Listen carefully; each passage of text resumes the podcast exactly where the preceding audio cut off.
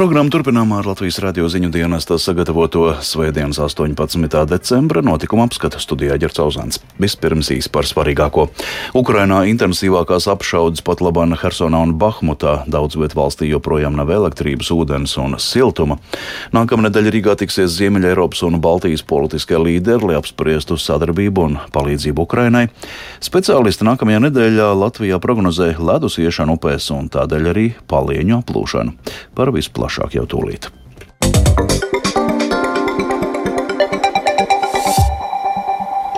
Krievijas spēki šodien apšaudījuši Hersonu Ukrainas dienvidos. Trīs cilvēki ievainoti. Intensīvas kaujas notiek arī Bahmutā, Donetskas apgabalā.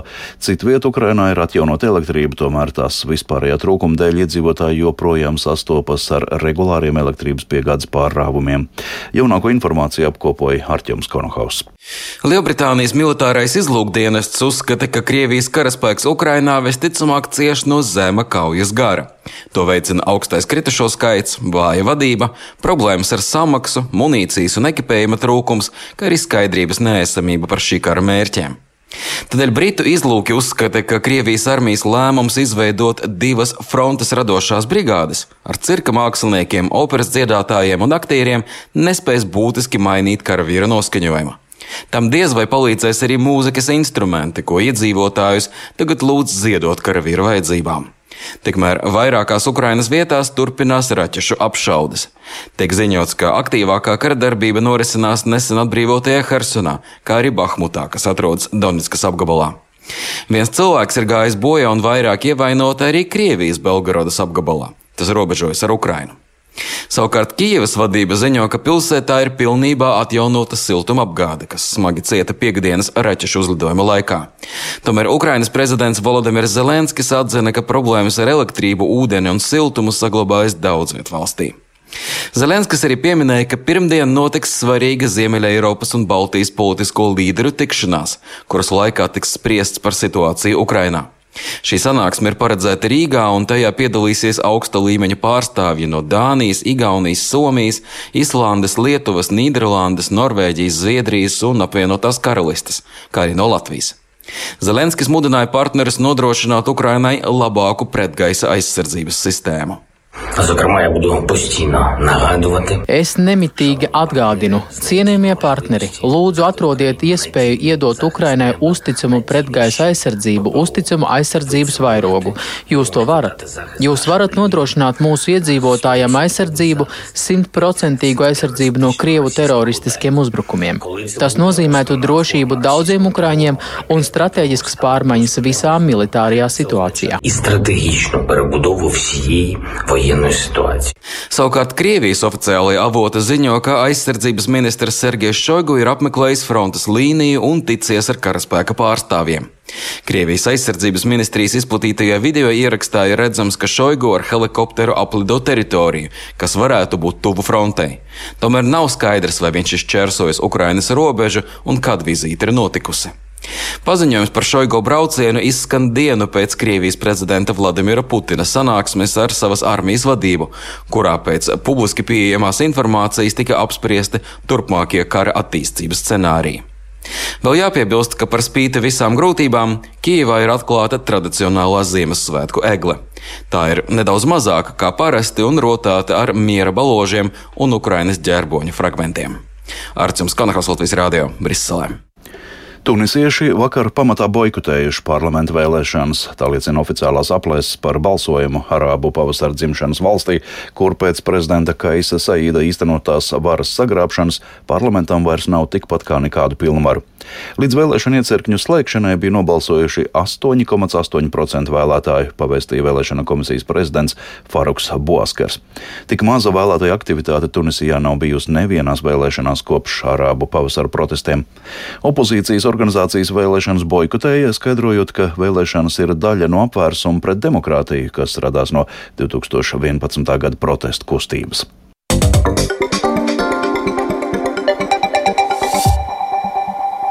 Nākamnedēļ Rīgā tiksies Ziemeļa Eiropas un Baltijas politiskie līderi, lai apspriestu sadarbību un palīdzību Ukrainai. Speciālisti nākamajā nedēļā prognozē ledus iešanu upēs un tādēļ arī palieņu aplūšanu. Nākamajā nedēļā arī Ziemassvētki. Vairāk par nākamajā nedēļā gaidāmo stāsta Kristaps Feldmanis. Nākamās nedēļas sākumā Rīgas pilī norisināsies Baltijas valstu un Somijas drošības jautājumiem un savstarpējai sadarbībai veltīta tikšanās. Tajā piedalīsies Latvijas prezidents Egils Levits, kā arī Lietuvas valsts galva Gitans Nausēda, Igaunijas prezidents Alars Karis un Somijas prezidents Sauli Nīniste. Nākamajā nedēļā Vides geoloģijas un meteoroloģijas centrs prognozē, ka upēs varētu sākties ledus iešana. Tas atsevišķās vietās varētu izraisīt arī palieņu aplūšanu, tādēļ cilvēkiem, īpaši tiem, kuri dzīvo upju tūmā, jābūt piesardzīgiem. Hidrologi prognozē, ka ūdens līmenis visstraujāk kāps kurzemes upēs, kur šobrīd ir biezākā sniega sēga un kur gaidām arī visaugstākā gaisa temperatūra. Savukārt maksimālais ūdens līmenis upēs gaidāms no 24. decembra. Vēl nākamajā nedēļā, līdz pat ceturtdienas vakaram, Doma laukumā turpinās Latvijas radio rīkotais labdarības maratons DOT 5, kurā trīs radio dīdžeji ieslēdzas stīkla studijā, lai 24 stundu režīmā pret ziedojumiem spēlētu labdaru izraudzītu mūziku.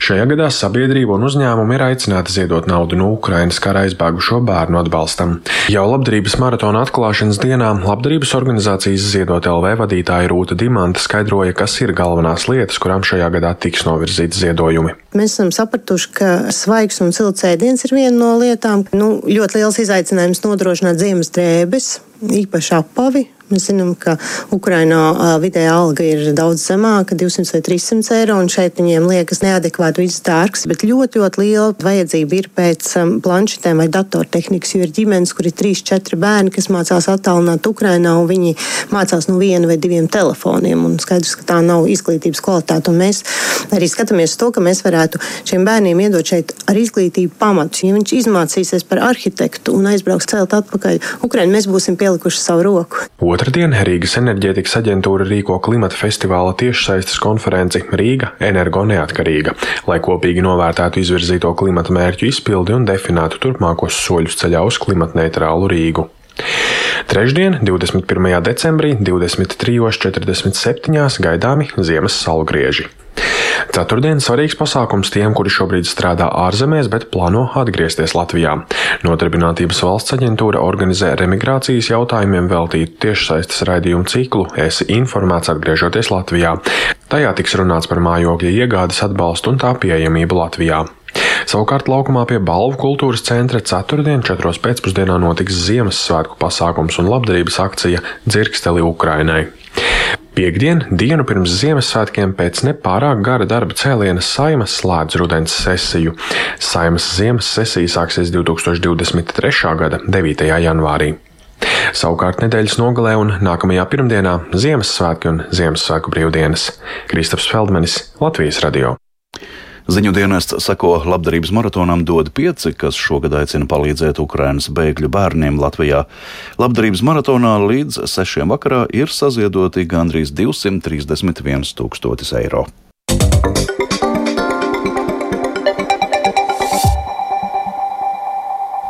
Kamēr visa sporta pasaules uzmanība pievērsta lielajam futbolam, Katarā vietējos florbola laukumos notika līderu cīņa. Tepat Cēsīs notika florbola spēle Latvijas florbola turnīrā. Asumiem bagātā spēlē panākums tika Lekrings komandai. Lotārs Zariņš stāsta vairāk. Latvijas florbola čempionātā Cēsīs norisinājās duels starp vietējo Lekrings un FS Masters Ulbroka vienību. Klubi attiecīgi ieņem trešo un otro vietu turnīra tabulā. Abas komandas šosezon jau bija tikušās savā starpā un toreiz ar 9 pret 8 pārāk bija Ulbrokas komanda. Pirmajā periodā viesi no Rīgas bija uzņēmuši tempu. Trešajā minūtē ar 31 sekundes astatumu Ulbroka goda divus vārtus. Iesākumā precīzi bija Tomas Veselīs, bet pēcāk Artūrs Naroks. Mainieks saspurojās un līdz trešdaļas izskaņai atbildēja ar trīs vārtiem. Divus no tiem guva Edgars Pūriņš, kurš arī vairāk stāsta par sezonu. Smags, es teikšu, tāpēc, ka uh, traumas daudz, pašam trauma, pagājušo spēli izlaidu, spēlēju uz 70% gatavību, bet uh, biju gatavs palīdzēt komandai, tāpēc, ka tu jau esi tajā adrenalīnā, kad uh, tu visu aizmirsti, visas nianses, un tu vienkārši aiz laukuma strādā. Bet, uh, Sākums nav mums izdevies, gribētu labāk. Es domāju, ir kur pielikt. Otrā perioda ievadā bumbu vairāk kontrolēja Ulbruka, bet Lekrings atbildēja ar asiem pretuzbrukumiem. Perioda sastajā minūtē Valters Lapiņš rezultātu izlīdzināja. Spēles gaitā atkal uzlabojās Lekrings uzbrukums. Vienā no pretuzbrukumiem no vārtu priekšas Jēkabs Berkolts izvirzīja vadībā mainīgus 5-4.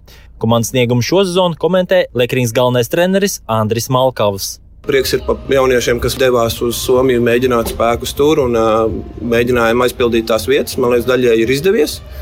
Ar gana meistarīgiem spēlētājiem ir jauns trešais piecinieks pa lielam, gandrīz visa mājiņa atkal no saviem audzēkņiem.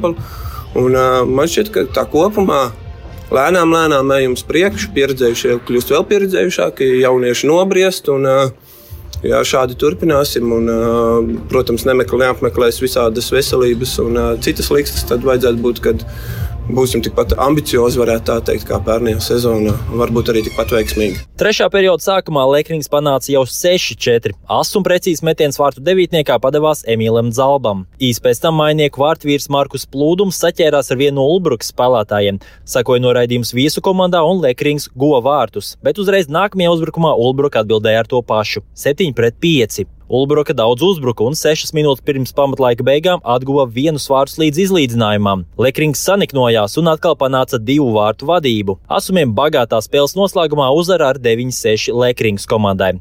Rezultatīvākais mainiekiem ar diviem vārtiem un divām piespēlēm Edgars Puriņš. Rezultāts ir labs, bet uh, spēle smaga. Divu cīņas, sīvas, viss ir sīvs, bet iesākām, kā parasti mēs baigi sezonas sākumu esam izlaiduši tādā ziņā, ka esam aizmiguši, nevaram, nav koncentrācija varbūt uz uh, pagājušā gada lauriem, vēl mēģinām tur kaut ko, nezinu, spēlēt un domā, ka viss sanāks, bet uh, pašam galvas jāsakārto, lai turpmāk būtu labs rezultāts. Un šis ir ļoti labs pamats, lai uh, tikai mēs augtu un būtu labs rezultāts. Sāidīsimies pīrāgus, atpūtīsimies ar ģimeni, un tad jau būsim čaļi, visi būs motivēti, lai iet uz priekšu un sezonas galā dabūt to pašu, ko, uz ko mēs ejam katru sezonu. Līdz ar to pērnā sezonas čempionu Lekrings kalendāro gadu noslēdz ar uzvaru mājās. Lotārs Zariņš, Latvijas Radio.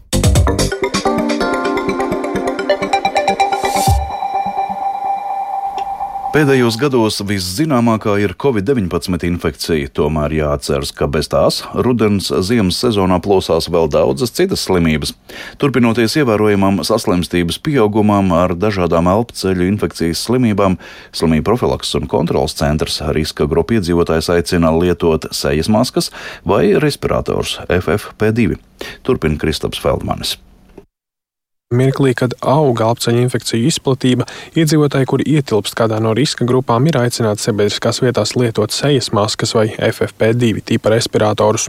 To lietošanu slimību profilakses un kontrolas centrs rekomendē slēgtās telpās, īpaši vietās, kur ir liels cilvēku skaits, notiek drūzmēšanās un nav nodrošināta pietiekama ventilācija. Un, lai arī atbilstošākā rīcība būtu atturēties no šādu vietu apmeklēšanas, īpaši uzmanīgiem jābūt maziem bērniem, cilvēkiem ar hroniskām slimībām, senioriem, personām personām ar novājinātu imunitāti un cilvēkiem, kuri bieži un smagi slimo ar elpceļu infekcijām.